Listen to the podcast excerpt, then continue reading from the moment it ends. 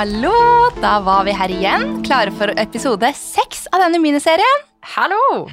Denne serien handler om å starte et selskap helt fra scratch, og vi tar dere med på vår startup-reise. Syns det er bra at vi har holdt helt til episode seks, jeg med de. Vi er bull nå. ja. Statistikken sier vel at 90% av alle startups feiler. Men etter at man er med i en akselerator som The Factory, hvor vi var med og vant delfinalen, så overlever faktisk 80% Og det er jo en god forbedring, vil jeg ja, si. Ja, får håpe det gjelder oss. uh, ja, vi sa vel i forrige episode at vi hadde soft-launchet. Uh, så vi har nå altså sluppet den første versjonen av det vi ikke lenger kaller en beta-versjon. Uh, vi har betalende kunder og bygger nå opp et community i appen. Og en gladnyhet, vi har nå fått over 1000 brukere. Det er jo helt sykt! ja! Det er en stor milepæl. Veldig gøy. Og vi får faktisk så mange fine tilbakemeldinger også. Jeg blir skikkelig glad i brukerne. Ja, jeg vet. så fra å juble over første kunde vi ikke kjente, så har vi nå kommet til et stadie der vi heller legger merke til når det er noen vi kjenner som sender opp. Sant. Da er jeg litt sånn Du var sent ute. Ja. men, eh, men, ja. Eh, neste steg det er jo da hovedlansering del én om ca. tre måneder. Og så blir det del to noen måneder etter det igjen. Det er veldig mye som skal på plass, så det er veldig mye som ligger bak det man f.eks. ser at vi driver med i SoMe. Og ja, det, det, er stor kontrast mellom alt vi gjør i løpet av en uke nå. Fra å filme videokurs og lage reels på Instagram til å ha styremøter, advokatmøter og sitte og modellere. Men sånn, ja, sånn er det vel med startups, alle må bidra overalt. Ja, det er litt sånn alle mann til pumpene. Eller, eller kanskje helt uh, omvendt, faktisk. Vi er jo ikke så mange. Så det er jo mer sånn alle må bidra med alt, på alt man kan. Uh, så er det jo da dette spørsmålet da, som vi har stilt oss 100 ganger, og som vi skal snakke mest om nå i dag. Hvordan skal vi få kunder? Klarer vi ikke det, så er jo konseptet og businessen vår død. Eh, så en markedsstrategi er, det er veldig viktig. Og på fagspråket sier vi vel ofte en GTM-strategi, som står for go to market. Altså hvordan få produktet ut i markedet. Eh, så ja, min tidligere kollega Ida Hermanrud, som var markedssjef i Chanel og nå markedssjef i David Andersen, kan nå kjapt forklare hva er en markedsstrategi. En markedsstrategi er en langsiktig aktiveringsplan knyttet opp mot målsetninger man skal nå til gitt tid. For en startup vil første steg av markedsplanen være å lage en tidsplan frem til lansering og oppfølging etter det, og så legger man inn timing for kampanjer og fokus og bygger alt opp mot lanseringen. Man må forstå målgruppen sin ekstremt godt og bestemme hvilke markedsføringskanaler som passer best til målgruppen. Så ja, vi har jo en rimelig konkret eh, contentplan. Eh, og når det gjelder markedsføringskanal, så har vi i hovedsak landet på sosiale medier.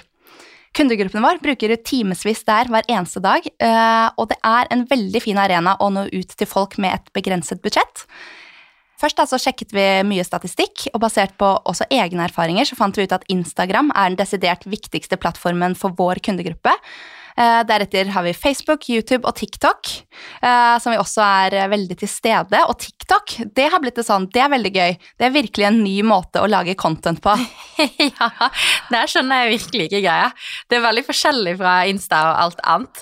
Jeg ah. føler meg veldig gammel der, ja. men det er morsomt å se. Ja, det er det. Vi bare, da vi begynte liksom å utforske TikTok, vi bare eh, Dette her er jo bare helt weird. vi bare, ok, Men det er jo på en måte for den yngste delen av målgruppen. Og hvis uh, vi allerede kan vekke litt interesse der, så er det jo mange som kommer til å ha oss i bakhodet når de skal begynne å investere. Så ja, Og det er jo faktisk veldig mange finfluensere på TikTok nå som tar helt av. Det, ja, det er gøy å se liksom, den interessen som er rundt det, og det er jo veldig riktig å være der også. Ja, absolutt. Det er jo pga. disse finfluenserne at Finanstilsynet har kommet med strengere regler for influensere som er knyttet til finansiell rådgivning. Det er jo faktisk ikke helt bra at noen på TikTok eh, driver og melder 'kjøp GameStop', og så gjør alle kidsa det, og så stuper aksjen, og ingen har konfirmasjonspenger igjen. Ja, oh, ja, nei, det er ikke bra. Man må være veldig forsiktig med hva man sier. Man kan, man kan si generelle ting, uh, men ikke konkrete investeringstips. Og det står veldig godt beskrevet på sidene til Finanstilsynet, så alle som er i lignende situasjon som oss, uh, burde jo virkelig lese det. Så vi da må være ja, forsiktige og passe på at vi aldri gir konkrete anbefalinger. Så folkens, alt vi sier er på generell basis. Husk det. Ja, bra disclaimer det Ja. der, det.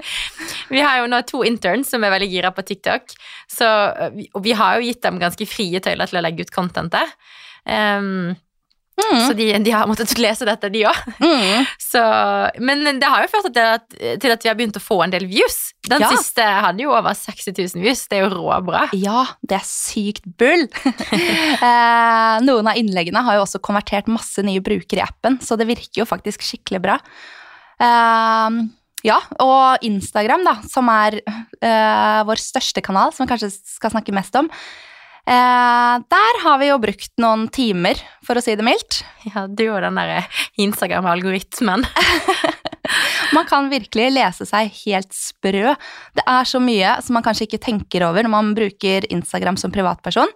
Jeg har jo alltid vært eh, veldig aktiv på Instagram personlig, men har aldri på en måte optimert for å få følgere eh, nå. Jeg har bare lagt ut mer for min egen del, da. Men nå, eh, nå er jo på en måte målet å få reach. Eh, og man skal jo da legge ut så og så mye, så og så ofte, det og det tidspunktet, den og den dagen. Og ikke nok med det, har du hørt om den derre 20 post 20-regelen? Ja, nå har jeg altså drømt om det, men ikke for noen måneder siden. Ikke sant? Eh, ikke sant.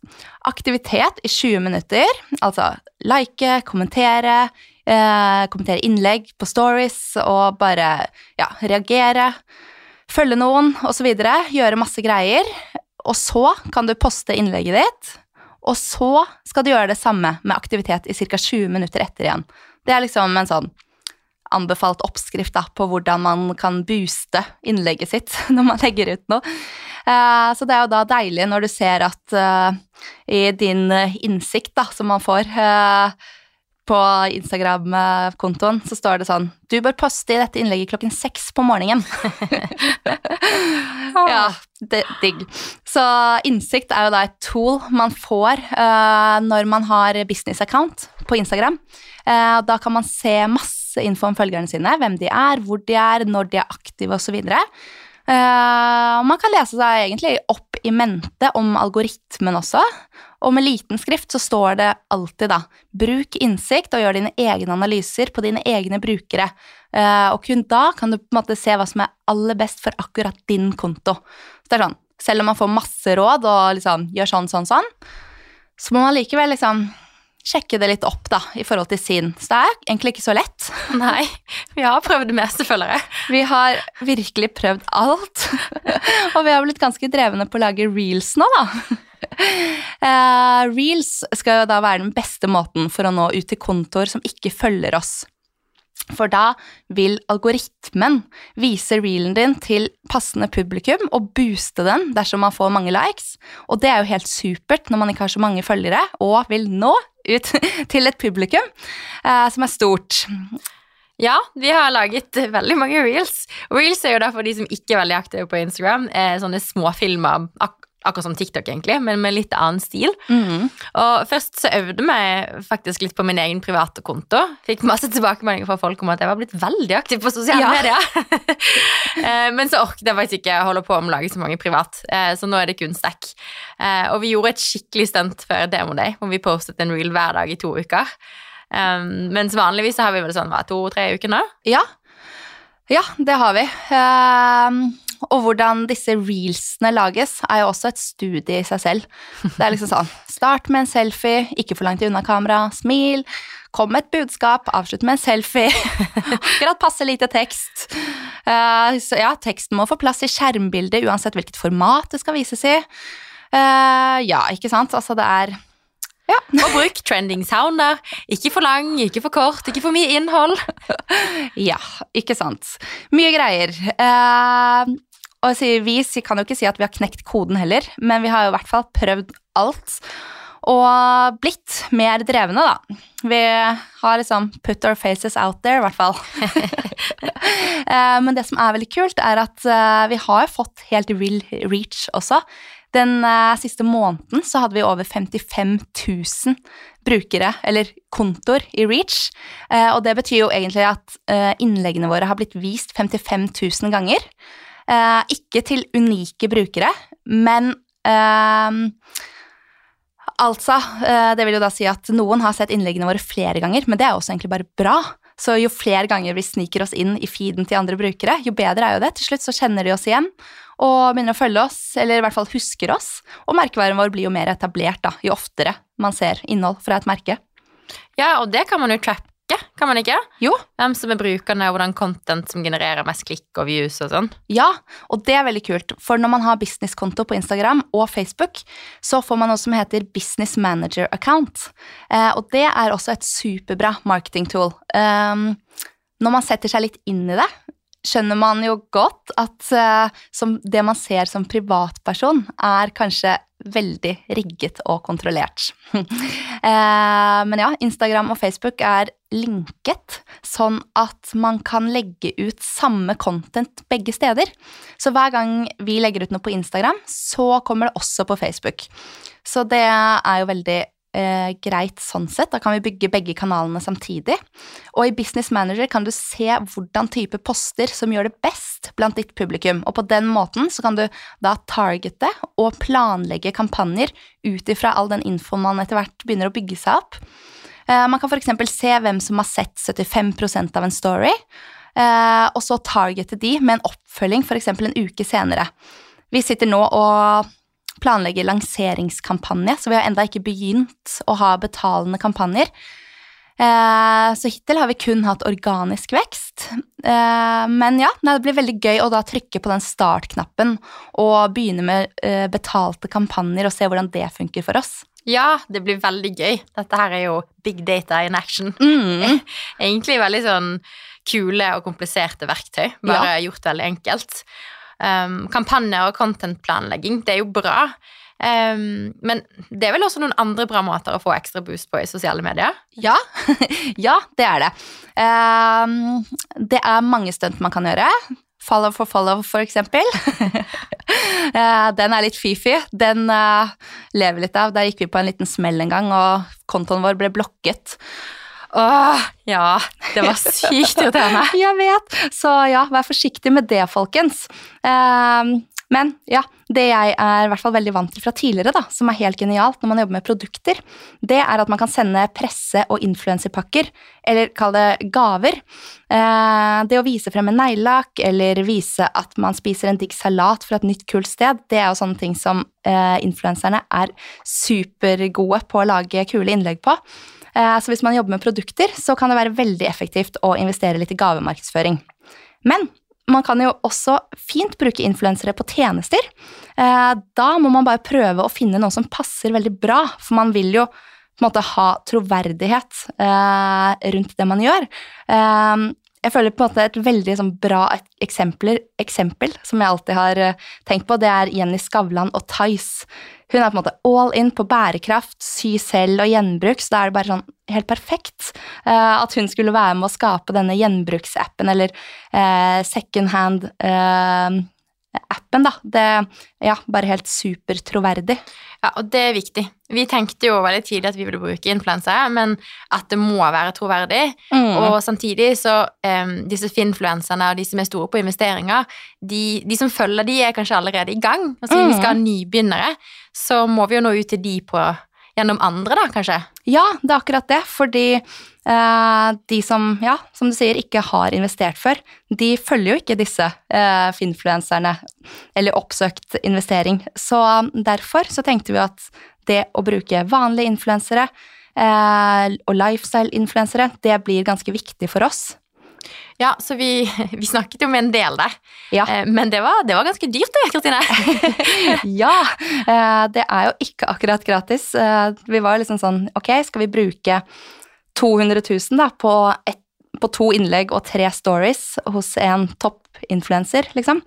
Det er jo ganske scary, for det er jo sånn, ja, veldig kjipt da, om det ikke funker og egentlig ingen får det med seg.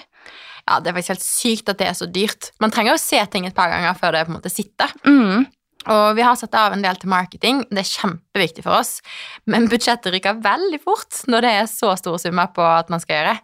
Og så kommer moms på toppen, da. Det Mm. må man jo ikke glemme. Um, men hva, hva tenker du Kristine, da, om å kontakte disse influenserne? Eh, jeg har jo ringt mine investorer, men eh, jeg vet ikke hvordan det er å kontakte influensere. Det er vel kanskje ikke bare å ringe superkjendiser? Nei, nei, sant. Det er jo sånn, hvis man kjenner noen, da, så er det jo bare å ringe. Og det, det er jo gull. Men eh, for oss, da, vi startet med å lage en liste, egentlig, over alle vi selv syns var kule og passende. Og så har vi også fått noen aktuelle navn fra venner som jobber litt med det samme. eh, Med, ja, influensere som de har brukt og hatt gode samarbeid med. Så har vi egentlig bare kontaktet dem på Instagram. Litt sånn som du eh, med eh, fundraisingen, bare cold reach it og sendt melding. Man tenker jo litt sånn Shit, skal jeg bare sende henne en melding, liksom? Men eh, jeg vet liksom ikke. Ikke jeg syns ikke det er noe kleint. Eller jeg tror ikke jeg liksom er noe sånn som blir noe starstruck eller noe sånn av det. Er du? Jeg vet ikke, kanskje mer på kjendiser enn investorer. De er jo ganske kjente og viktige, noen av de også som jeg har snakket med. Ja. Men eh, nei da, det er jo bare Det var gøy, det, egentlig. Ja. Det er og- så gøy når vi får svar. Ja, det er akkurat det. Og man må jo bare spørre. Det er jo veldig mange da, som ikke svarer, og det er ganske kjipt. Men heldigvis, så de som har svart, har vært kjempehyggelige. Eh, noen sender telefonnummer, ber oss ringe, noen vil møtes. Noen, ganske mange, sier også at vi kan sende mail til manager. Det er jo litt det samme som å drive, drive med Drive med drive, drive med fundraising, egentlig. Ja, Men eh, ja, så får vi se på budsjettet og hvor mye vi har råd til å gjøre nå i første omgang med influensere. ja. Vi jobber jo virkelig med begrensede midler. Det er jo ikke så lett da. Um, og så var det jo det at vi gjerne ville ha én hovedambassadør. Det er jo da en influenser som representerer produktet eller tjenesten fast. Veldig da inspirert av akkurat dette med Tice og Jenny. Eh, vi ville jo da skape en god relasjon med en som brenner for det samme som oss. Så denne hovedambassadøren er jo noe vi har valgt å satse på og har prioritert høyt. Vi tror det kan gi oss en god drahjelp nå i starten. Ehm, ja, så vil vi også bruke flere mikroinfluensere da, sammen med denne hovedambassadøren vår, sånn at vi kan nå ut til enda flere. Det er ganske funny, egentlig, fordi her i Norge, hun som sendte den listen, da, mm -hmm. med mikroinfluensere, hennes definisjon var mer enn 1000 engasjerte følgere. Ja. Eh, mens jeg så en sånn influenser fra USA da, nå, han postet sånn microinfluencers, Ja. less than 100 000 followers. Jeg Ja. bare, ja. Det er litt annen skala. ja. Sant. Så, så de trenger jo faktisk ikke ha så mange følgere, men ofte så har de en spisset målgruppe og er veldig gode eh, og har en sånn stor passion da, innenfor det temaet de poster om. Ja, vi må få til masse gøy med det, altså. Ja, det må vi virkelig. Eh, det er utrolig gøy nå, marketingmessig. Som en startup så eh, starter man jo med helt blanke ark, så det er veldig gøy å bygge opp et brand fra ingenting, og gradvis se at det begynner å etablere seg. Nå eh, nærmer vi oss oppbygningen til lanseringskampanjen, så vi koordinerer nå alt content sånn at det skal være med å bygge opp til lanseringsdato.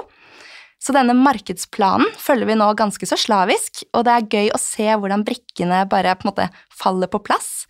Når man har en sånn konkret plan, så gir det jo også naturlige deadlines, og det er da veldig bra å ha sånn, eh, ja, rett og slett sånn at ikke ting sklir ut, da. Eh, Det går jo ikke an å utsette lansering, eksempel, når alt rundt er rigget for denne spesielle dagen. Man får jo faktisk litt angst av hvor mye som skal på plass før denne lanseringen. Ja, eh, virkelig. Men eh, nei, det er gøy. Så, og tilbake til denne hovedambassadøren vår, da. Det har vært veldig viktig for oss.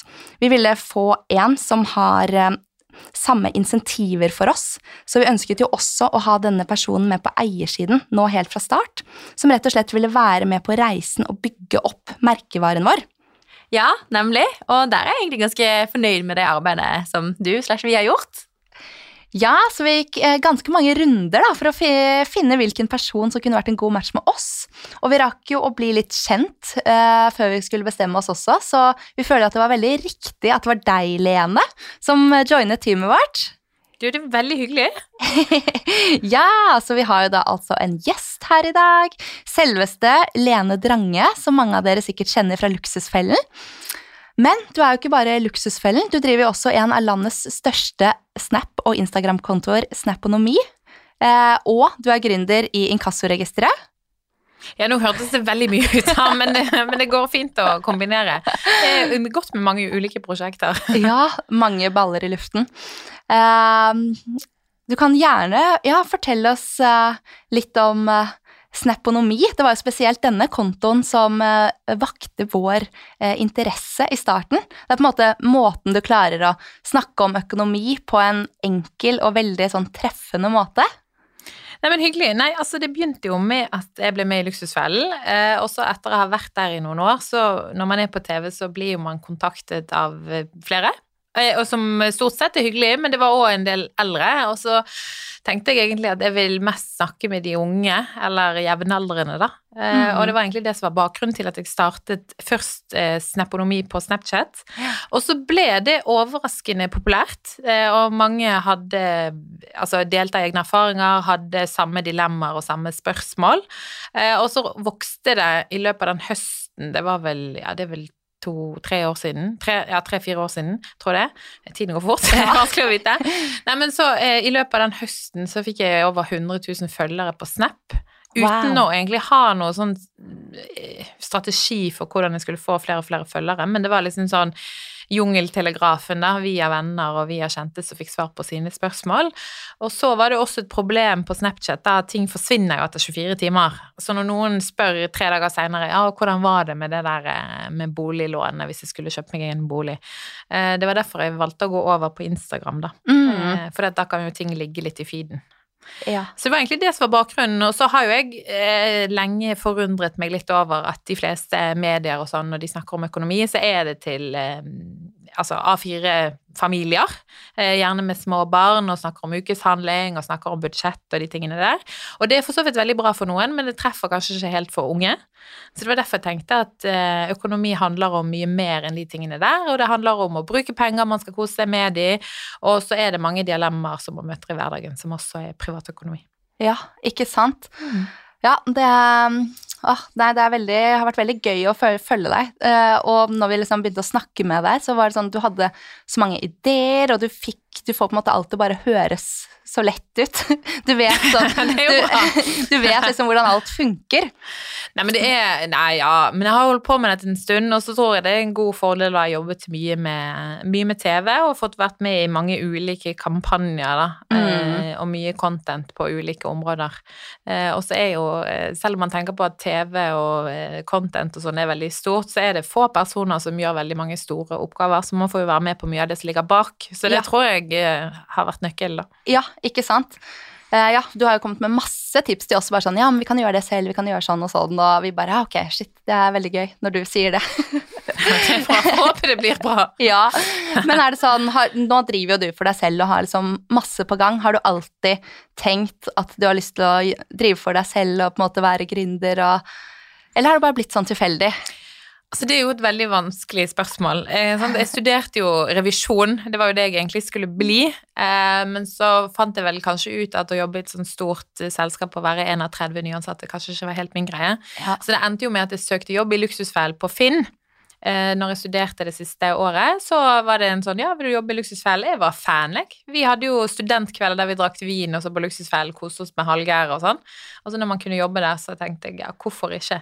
Ja. Og så har jo det ene bare ført til det andre, da.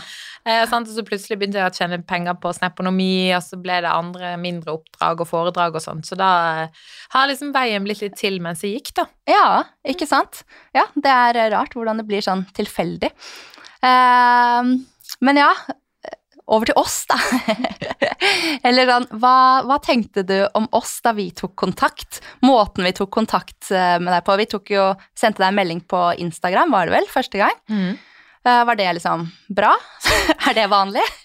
Eh, ja, det er veldig vanlig. Jeg, altså, jeg har jo etter et par uheldige hendelser eh, stengt alle min, alle, all min kontaktinfo, annet enn på Instagram. Så jeg Ja. vil jo helst ha det der. Ja. Eh, så på en måte alle pressehenvendelser og sånn eh, samarbeid som dette her og ulike ting, det kommer på Instagram, da. Ja. Instagram eller Snap, så jeg er veldig fornøyd.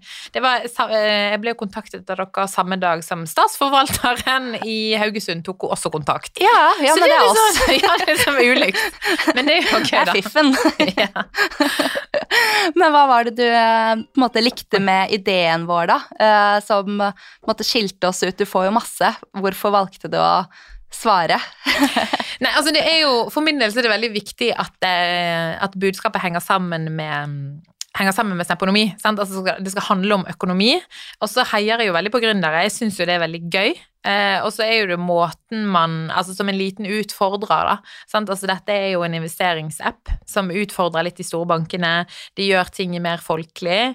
Eh, og så er jo det veldig i vinden. Så jeg tenker jo at hvis man kan gjøre eh, investering mer folkelig og eh, for alle, så er det veldig viktig. Så det var egentlig de to tingene jeg likte best. Og så liker jeg jo at folk bygger det opp fra bunnen sjøl, da. Ja, ikke sant? Det er jo Vi følte jo også det, da. At vi var sånn hånd i hanske og hadde samme, samme budskap og ja. Eh, nei, det var veldig gøy for oss at du eh, eh, ja, ville hoppe litt på eh, hva heter det? Joine. Eh, reisen vår. Eh, det som var veldig gøy, var at du var jo også på en måte helt fra start veldig sånn interessert i å bli med som medeier, og på en måte være ordentlig med på dette her. Eh, og vi bare åh, det er liksom Det blir jo ikke en bedre match enn det, hvis man har en som bare ja, kan har samme insentiver da, til å bare jobbe, jobbe på og få det ut. Ja, ja. Men det, altså, det var jo Det er jo stas å bli spurt og få lov til det. Sant? Så det er jo en eh, Jeg tenker jo at det er en vinn-vinn for begge deler. Ja. Eh, altså, derfor har jeg også lært litt om hvordan man lager en investeringsapp, og hva som er viktig. Og hvis man kan komme med noen innspill som ikke er helt bak mål, da, så er det også eh, bra, tenker jeg. Ja, Ja. ikke sant? Helt enig. Nei, det, ja, det er veldig, veldig, veldig gøy. Eh, ja, så med Snaponomi om bord, da, så føler vi jo at vi er veldig klare eh, for å begynne å bygge opp mot lansering. Eh, nå har de jo lagt ut eh, to innlegg om oss. Den første var en teaser på sånn 'Jeg er med å lage investeringsapp'. Den andre var mer sånn 'Nå har vi lansert gullabonnement'. Og ja, er klare til å ta imot eh, betalende kunder. Og begge postene du har lagt ut, så har vi fått ca. 100 nye brukere i appen. Så det er veldig kult å se at det har effekt. Ja, nei, men det er veldig gøy. Og så tror jeg jo også at samarbeid som er over tid Altså sant, eh, mine følgere som trenger jo litt tid til å bli kjent med merkevaren, hva er dette for noe egentlig? Mm. Og det er jo derfor at sånne, sånne samarbeid som er i en lengre periode, da blir også folk tryggere, da. Ja. Og så tror jeg også at det kommer til å eks ikke eks ja, eksplodere, jeg vil si det. Ja. Når, eh, når man faktisk kan bruke appen altså sånn til Ja. noe mer, når du faktisk kan gå inn og kjøpe aksjer og kjøpe fond. Så jeg tror jo at eh, når det åpner for det, så tror jeg det blir veldig stort. Da. Ja, det blir sykt gøy når vi skal kjøre i gang med lanseringskampanje. Eh, ja. Nei, og det er jo liksom, ja, vi får hele denne troverdigheten, og alt, fordi alt er troverdig når du er liksom med. Og nei, det her er skikkelig Det er masse gøy nå. Vi føler virkelig vi har moment, og at vi tracker sånn at eh, vi, som vi skal, med tanke på lansering, og alle KPI-ene vi må nå for å kunne hente neste runde med penger. Og det er også én ting vi virkelig begynner å føle, føle på nå. Det er ansvaret vi har tatt på oss, og angsten som hører med når man driver sitt eget selskap. Så i neste episode så eh, skal vi gå dypere inn i dette temaet.